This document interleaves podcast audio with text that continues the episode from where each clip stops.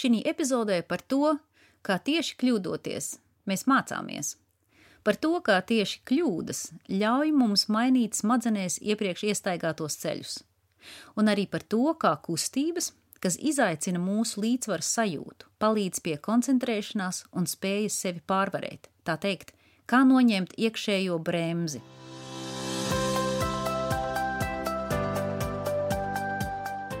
Sveiki podkāstā Noderīga psiholoģija. Mani sauc Evija Volfa. Es esmu psiholoģijas doktore. Mani podkāsti ir domāti tev, ja tevi interesē psiholoģija gan kā zinātne, gan kā noderīga prakse. Varbūt tev ir kādi konkrēti tev svarīgi mērķi, ko tu gribi sasniegt. Varbūt tavs galvenais mērķis ir justies labāk. Lai to izdarītu, tev ir jāzina, kā strādā tavs ķermenis, tavas sajūtas, domas un emocijas. Un arī ir jāzina paņēmieni, kurus pielietojot, tu vari mainīt savu ķermeni, apziņu un jūtas. Es ceru, ka informācija, ar kuru es dalos, tev palīdzēs veidot jaunu un pozitīvāku stāstu par sevi.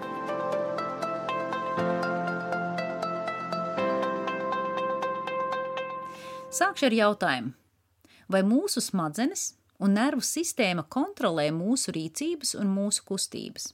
Ceru, ka visi vienbalsīgi atbildēs ar jā. Otrs jautājums ir, vai mūsu uzvedība, un uzvedība lielākoties nozīmē kustības, vai mūsu uzvedība var mainīt mūsu nervu sistēmu, smadzenes un smadzenēs iestaigātos pieredumu ceļus?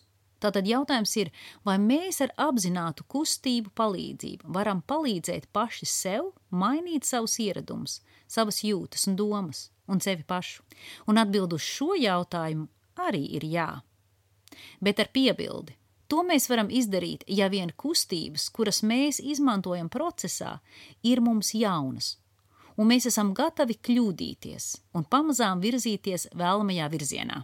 Mums ir jābūt gataviem uz jaunām un izaicinošām motoriskām kustībām. Mums ir jāpieņem un pat jāaicina pie sevis kļūdīšanās un neapmierinātība. Mums ir jāsamierinās ar virzīšanos uz jauno, ar maziem solīšiem, solīti pa solītim, inkrementāli. Tas attiecās uz pieaugušajiem. Bērnībā un līdz 26 gadiem mēs varam diezgan viegli un ātri iemācīties un nomainīt ieradumus. Pieaugušajiem tas ir grūtāk, un tādēļ ir nepieciešams praktiskas lietas un darbības, ko var izdarīt un ko var izmantot, lai nonāktu pie sava mērķa. Un mērķis te var būt gan emocionāls, gan kognitīvs, gan saistīts ar ķermeņa kustībām, kā tad, kad iesākam, piemēram, jaunas sporta aktivitātes. Es gribu, lai jūs saprotat, ka šodien, kad es stāstu par fiziskām ķermeņa kustībām, tas nenozīmē, ka es stāstu par to, kā apgūt jaunas iemaņas jaunām sporta aktivitātēm, lai gan tām arī var to izmantot. Bet mans galvenais mērķis ir runāt par ķermeniskām kustībām, kas rada tādu vidi jūsu smadzenēs, jūsu nervu sistēmā un ķermenī, kas jums dod iespēju pārorganizēt savus uzskatus, savas jūtas un iemācīties jaunas lietas par sevi un priekš sevis. Es runāju par nervu plastiskumu, kas var pozitīvi ietekmēt gan jūsu attiecības ar citiem cilvēkiem, gan jūsu prāta zināšanas, un arī, protams, jūsu ķermeniskās kustības. Lai radītu neiroplastiskumu, jums ir nepieciešams signāls, ka tas, ko jūs pašreiz darāt, ir kļūdains, kaut kādā veidā nederīgs. Ka tas, ko jūs pašreiz darāt, nepalīdz jums sasniegt to, ko jūs vēlaties. Parasti cilvēki domā, ka vajag nonākt kaut kādā optimālā, patīkamas plūsmas stāvoklī, un tad viss jaunais ielīs viņos, un viņš atmodīsies par jaunu cilvēku, bet tas ir simtprocentīgs pārpratums. Lai kaut kas mainītos, jūsu nervu sistēmai ir nepieciešams signāls, ka tas, ko jūs darāt, neatbilst tam, ko jūs sagaidāt. Un tad, kad kļūda tiek apzināta, jūsu nervu sistēmā izdalās ķīmiskas vielas, kas ir vajadzīgas, lai veidotos jaunu nervu savienojumi, lai veidotos jaunas domas, jaunas emocijas, jauni uzskati un jauni stāsti. Un tas taču ir tik pašsaprotami. Vai te tu iesi tīrīt savu māju, ja tu nedomā, ka tā ir netīra? Vai tu remontēsi savu mašīnu, ja tā nav salūzusi? Arī mūsu nervu sistēma strādā pēc principa. Remontdarbi notiek tikai tad, ja kaut kas nestrādā, ja kaut kas ir salūzis.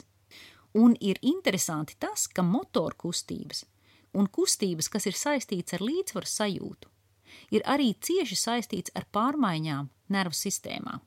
Un mēs varam apzināti izmantot motoru kustības un līdzsvaru sajūtu ķermenī kā tādus kā ieejas vārtus portālā uz neiroplastiskumu. Tajā skaitā arī, lai panāktu pārmaiņas pagātnes pieredzes veidotajos nervu savienojumos. Un kas savukārt ļauj mums veidot labāku un citādāku tagadni un arī nākotni. Kas ļauj mums to darīt efektīvāk un ātrāk. Kā strādā šie mehānismi? Vispirms mums ir jāsaprot, ka mums visiem ir iekšējās dzirdes, redzes un kustību kartes. Šajās kartēs ir ļoti specifiskas teritorijas un neironi, kas reaģē tad, kad skaņa vai redzes signāls nāk no kreisās puses un nevis no labās puses. Piemēram, es uztaisu knikšķis sev pie kreisās auss. Uz to reaģē kartes kreisās teritorijas neironi, un nevis tie, kas ir atbildīgi par labo pusi. Redzes, dzirdes un kustības kartes pārklājas, tādēļ mēs skatāmies pa kreisi, kad skaņa nāk no kreisās puses. Tādēļ mēs arī varam sniegties pa kreisi pēc objekta, kuru mēs redzam sev kreisajā pusē, un arī precīzi tam trāpīt un paņemt to rokā, un nevis aizšaut garām. Ja šīs iekšējās kartes nesakrīt kaut kādu traucējumu dēļ, tad mēs vairs nespējam tik labi orientēties savā vidē, un tas mums kā organismam, kā dzīvai būtnei ir ļoti bīstami. Tiek radīts momentāns signāls, kaut kas nav kārtībā, Mums ir jāiemācās, jāapgūst kaut kas jauns, lai iekšējās kartes atkal pārklātos. Tādā situācijā mūsu nervu sistēma ir paaugstinātā stāvoklī, paaugstinātā gatavībā, mums ir iekšējais ķīmiskais kokteils iedarbināts, un mēs esam gatavi apgūt kaut ko jaunu. Tā kļūda, ka tas, ko mēs gribam panākt, nesakrīt ar to, ko mēs panākam, ir ļoti svarīgs elements, lai iedarbinātu plastiskumu. Piemēram, Tu sarunājies ar savu partneri, tu saki vienu, bet viņa saprot pavisam ko citu. Tava sistēma signalizē - kļūda. Vai varbūt tu esi sākus spēlēt jaunu instrumentu. Piemēram, tu esi sākus spēlēt saksofonu, tu spied saksofona pogas, bet skaņa, kas nāk ārā no instrumenta, ir pavisam citādāk nekā tu to sagaidi. Tava sistēma atkal reaģē - kļūda. Vai varbūt tu mēģini pateikt kaut ko svešvalodā, vai tu mēģini izmē, izrēķināt matemātikas uzdevumu. Varbūt tu mēģini iemest basketbola grozā bumbu, bet neiznāk tā, kā tu iedomājies. Tava sistēma reaģē. Kļūda, un kļūda ir nozīmīga. Tā nav negatīva lieta. Tā ir nepieciešama, lai pārmaiņas sāktos. Iepriekšējās epizodēs mēs runājām par diviem neirotransmiteriem, kā epinefrīnu un acetilholīnu kas ir svarīgi jauna apgūšanas situācijās. Epinefrīns parūpējas, lai tu būtu pietiekoši mundrs un nomodā, un acetilholīns parūpējas par to, lai tu varētu koncentrēties, lai tu fokusētos uz vienu konkrētu lietu. Šodien mēs runājam par citu neirotransmiteri. To sauc dopamīns. Un tas ir svarīgs tad, kad mēs atkārtojam un atkārtojam, un vēlreiz atkārtojam, un nemitīgi kļūdāmies, bet tomēr turpinām iesākto. Dopamīns motivē mūs, lai mēs neapstājamies, lai neskatoties uz kļūdām, pamazām, pamazām sakrājam mazas veiksmes un krājam tās, kamēr kopā saliktie mazie veiksmes mirkļi veido lielākus panākumus. Mēs cilvēki esam tādas radības, kam nepatīk kļūdas, kam nepatīk vilšanās, bet tie no mums, kas tiek galā ar nepatīkamajām sajūtām un kas pat ir pieņēmuši, ka šīs nepatīkamās sajūtas ir procesa nenovēršama un pat patīkama sastāvdaļa.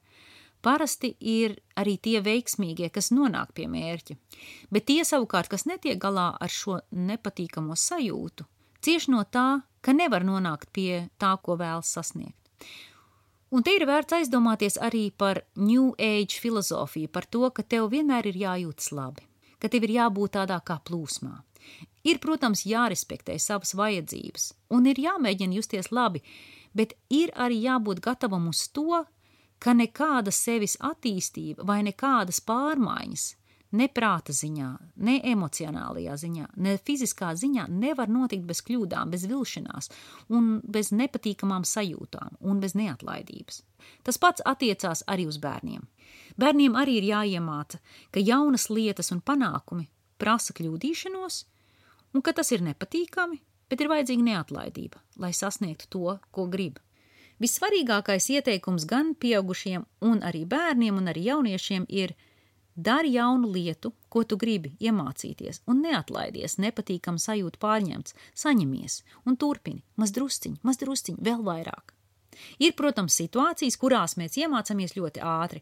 Tās ir tās situācijas, kad tas, kas mums ir jāiemācās, ir izdzīvošanas jautājums. Ja tev būtu tagad jāiet medīt, lai tev būtu ko ēst, tu ātri vien iemācītos, kā mežā orientēties.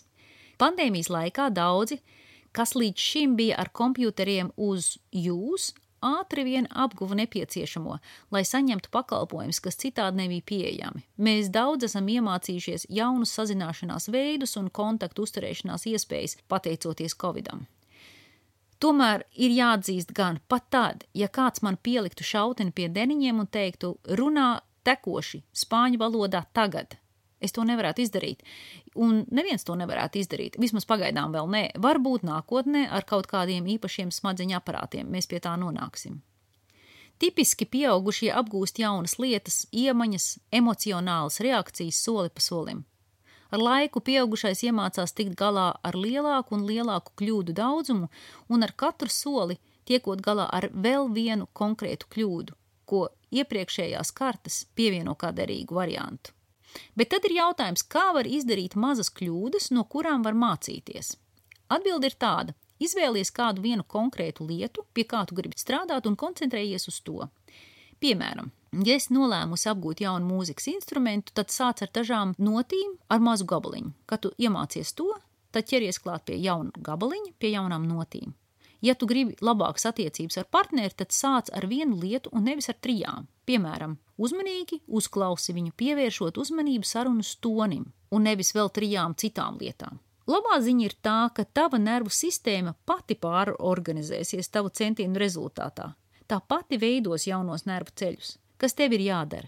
Tev jācenšas pietuvināties tai darbībai, tai uzvedībai, tai instrumentu spēles mākai, ko tu gribi sasniegt.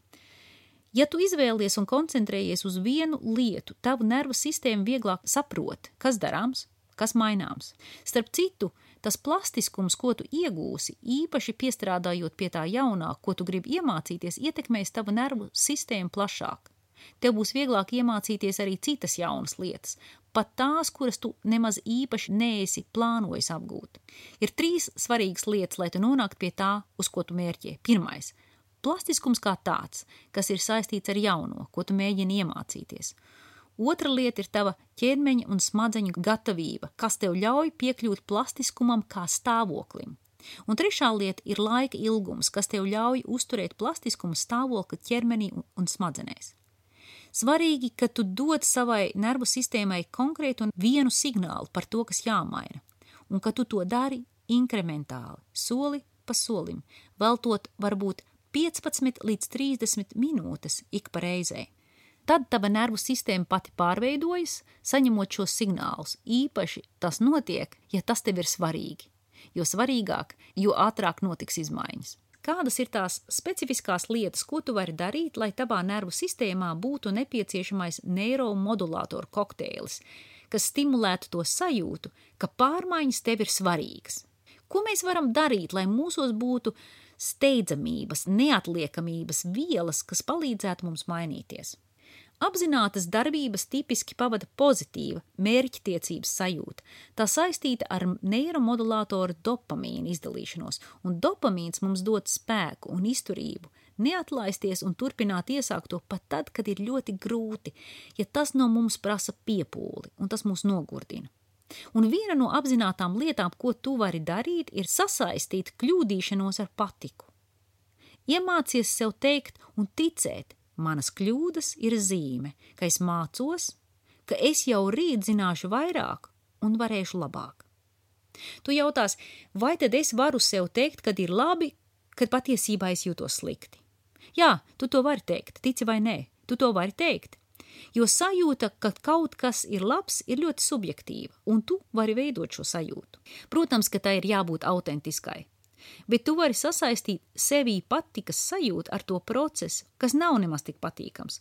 Piemēram, tu vari sasaistīt patikas sajūtu, ieejot augstā dušā, vai arī tu vari sasaistīt patikas sajūtu desmit reizes spēlējot saksofonu un tikpat reizes kļūdoties. Un tu vari sasaistīt patikas sajūtu ar to, ka tu tikai mazdrusciņš saniknojies uz cilvēku, kas tevi kaitina un ka varēja tikt pāri savai tipiskajai vulkāniskajai uzsprāgšanai, satiekoties ar šo cilvēku. Jā, tu vari ar to sastaistīt patikas sajūtu. Un dopamīns ir tā viela mūsu ķermenī, kas mums dod iespēju radīt šo alternatīvo realitāti.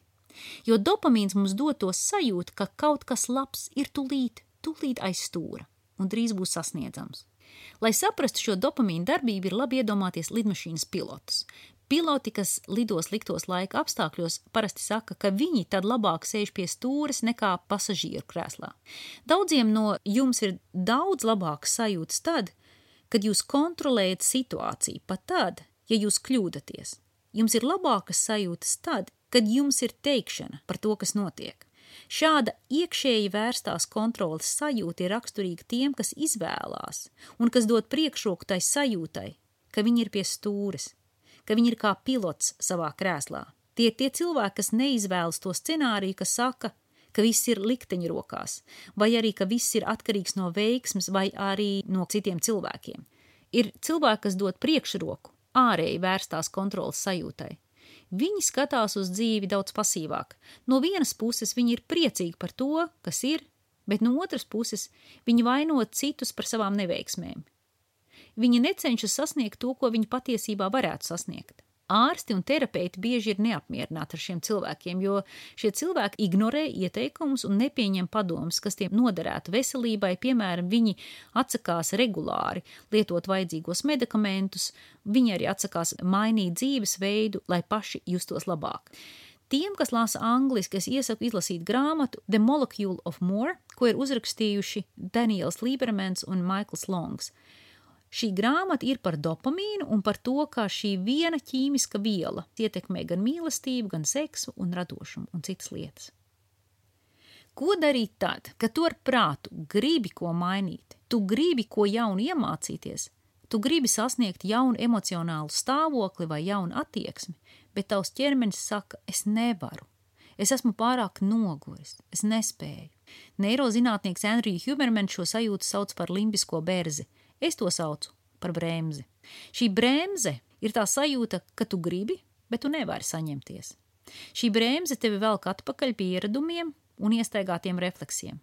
Protams, vispirms ir jāsāk ar to, ka ir jāizguļas. Par miegu runājam daudz un dikti vairākās noderīga psiholoģija iepriekšējās epizodēs. Es iesaku noklausīties, jo tur ir tiešām daudz padomu par to, kā labāk aizmigt, kā izgulēties dziļajā miegā, remmiegā, kāda nozīme ir sapņiem, jo miegam ir svarīga nozīme pie tā, vai mēs esam nomodā. Bet, ja tu esi izgulējies, bet tev vēl joprojām ir bremze, tad tu vari darīt sekojošo, un to sauc par skābekļa super palielinošo elpošanu. Kas ir skābekļa super palielinoša elpošana? Tā ir elpošana, kas tavā ķermenī ievada vairāk skābekļa nekā to izvada. Pasaulē ir slavens holandietis, viņu sauc Wim Hof, un viņš seno jogas elpošanas metodi ir popularizējis, un tagad to sauc par Wim Hof metodi. Par to ir daudz, daudz visādi YouTube video, un latviski šai metodē ir labs apraksts, un to var atrast, ja savā interneta meklētājā tu ieraksti Vima Hofa metodes elpošanas bioloģija. Vima Hofa metodes elpošanas bioloģija. Vima Hofa metode, jeb šī jogas elpošanas metode, sastāv no elpošanas paņēmiena ar šādu darbības secību. Vispirms ir 30 dziļas ielpas, tu elpo ātrāk nekā parasti, tu ievelc elpu vai nu caur muti, vai nu caur degunu un izelpo. Tā ir tā saucamā kontrolētā hiperventilācija.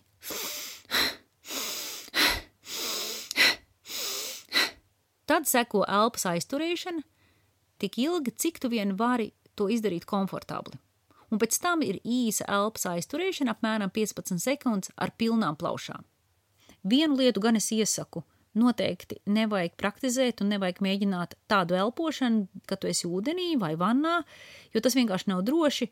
Tādā veidā elpojot, daži cilvēki zaudē samaņu un tas vienkārši ir pārāk bīstami pie ūdens. Tātad nekad nevajag pie ūdens. Bet, ja tu elpo un esi drošā situācijā, varbūt pat vislabāk, ja tev ir blakus kāds draugs, un, protams, ja tev ir nepieciešams, tu vispirms konsultējies ar savu ārstu, vai to tu vispār vari darīt, tad šī elpošana tev var atmodināt un palielināt tavā sistēmā epinefrīna daudzumu, un tādā veidā tu noņem to, ko es saucu par bremzi, un tas tev tad ļauj darīt to, ko tu gribi darīt. Un ir vēl viens paņēmiens, kas tev nāks palīgā pie tā saucamās bremzes noņemšanas. Un šis paņēmiens varbūt liksies pavisam dīvains, vismaz man tas bija kaut kas pavisam jauns un pavisam dīvains. Šis paņēmiens ir saistīts ar mūsu līdzsvaru sistēmu. Jā, ar mūsu vestibulāro sistēmu, kas atrodas mūsu ausīs. Mazās kalcija bumbiņas mūsu ausīs pārvietojas dažādos virzienos un signalizē mūsu ķermenim, ko darīt, lai kompensētu nobīdes attiecībā pret gravitāciju. Tā kā mums kā dzīvam organismam ir ļoti svarīgi būt līdzsvarā, un jebkura situācija, kas signalizē, ka mēģinam atgūt līdzsvaru, ir nepieciešama izdzīvošanai, tad nekavējoties mūsu sistēmā izdalās gan dopamīns, neiropinefrīns, gan acetilholīns. Un mēs momentāli esam nomodā, esam gatavi koncentrēties un neatlaisties, lai mēs atkal iegūtu šo līdzsvaru sajūtu. Kā to darīt? Ja esi gatavs, tu vari mēģināt nostāties uz galvas. Bet, ja tev ir grūtības nostāvēt pat uz vienas kājas, tad arī tas ir ļoti labs paņēmiens tieši tev, kā atmodināt savu sistēmu. Jo patiesībā jebkas, kas izaicina tavu vestibulāro sistēmu, tev noderēs. Tā kā es diezgan viegli varu nostāvēt uz vienas kājas, pat darot tādas sarežģītas un grūtas lietas, kā ielīst savā zemūdens ņurkotāja tērpā vai izlīst no tā, tad man šī stāvēšana uz vienas kājas nederēs. Bet es, piemēram, varētu mēģināt nostāties uz galvas vai uz rokām, jo tās, tās lietas es nevaru viegli izdarīt. Bet es gribētu ieteikt dejošanu. Jo dejošana ir ļoti labs paņēmiens, lai iesaistītu savu vestibulāro sistēmu sevis atmodināšanas procesā. Un man ir tāda pieredze.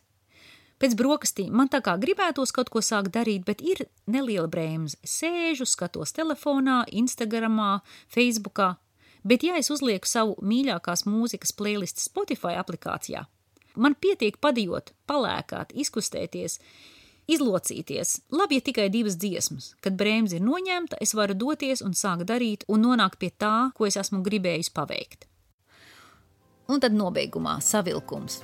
Esi gatavs kļūdīties un pieņemt kļūdas kā labas zīmes ceļā uz iecerēto. Iemācies baudīt procesu un atrast patīkamas sajūtas arī kļūdās. Maini vienu lietu un ne vairāk, solīti pa solītim Pēc tam liec klāt nākamo lietu un pamazām uzkrāja jaunapgūto. Velti pārmaiņām apzinātu, bet īsu laiku, 15-30 minūtes, tad atpūties un jau arī veltīja vēl tādu pašu laiku sprīdi atkal. Sprīdi pa sprīdim uzkrāja jauno māku un jauno attieksmi. Tava jaunā māka un jaunā attieksme var būt gan kognitīva, gan emocionāla, gan arī kā kādā sportā. Elpo, lai pamostos, stāv uz vienas kājas, vai galvas, vai vēl labāk izdancojies, lai tu varētu pamosties un lai varētu koncentrēties. Kā vienmēr, paldies, ka klausies! Ja tev šī informācija ir noderīga, dalies ar citiem tavā ģimenē, dalies ar saviem draugiem, dalies ar visiem tiem, kam pēc tavām domām šī informācija var noderēt.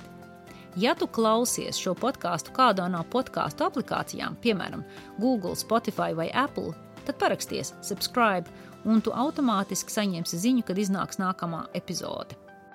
Paldies vēl vienreiz, visu labu un līdz nākamajai reizei!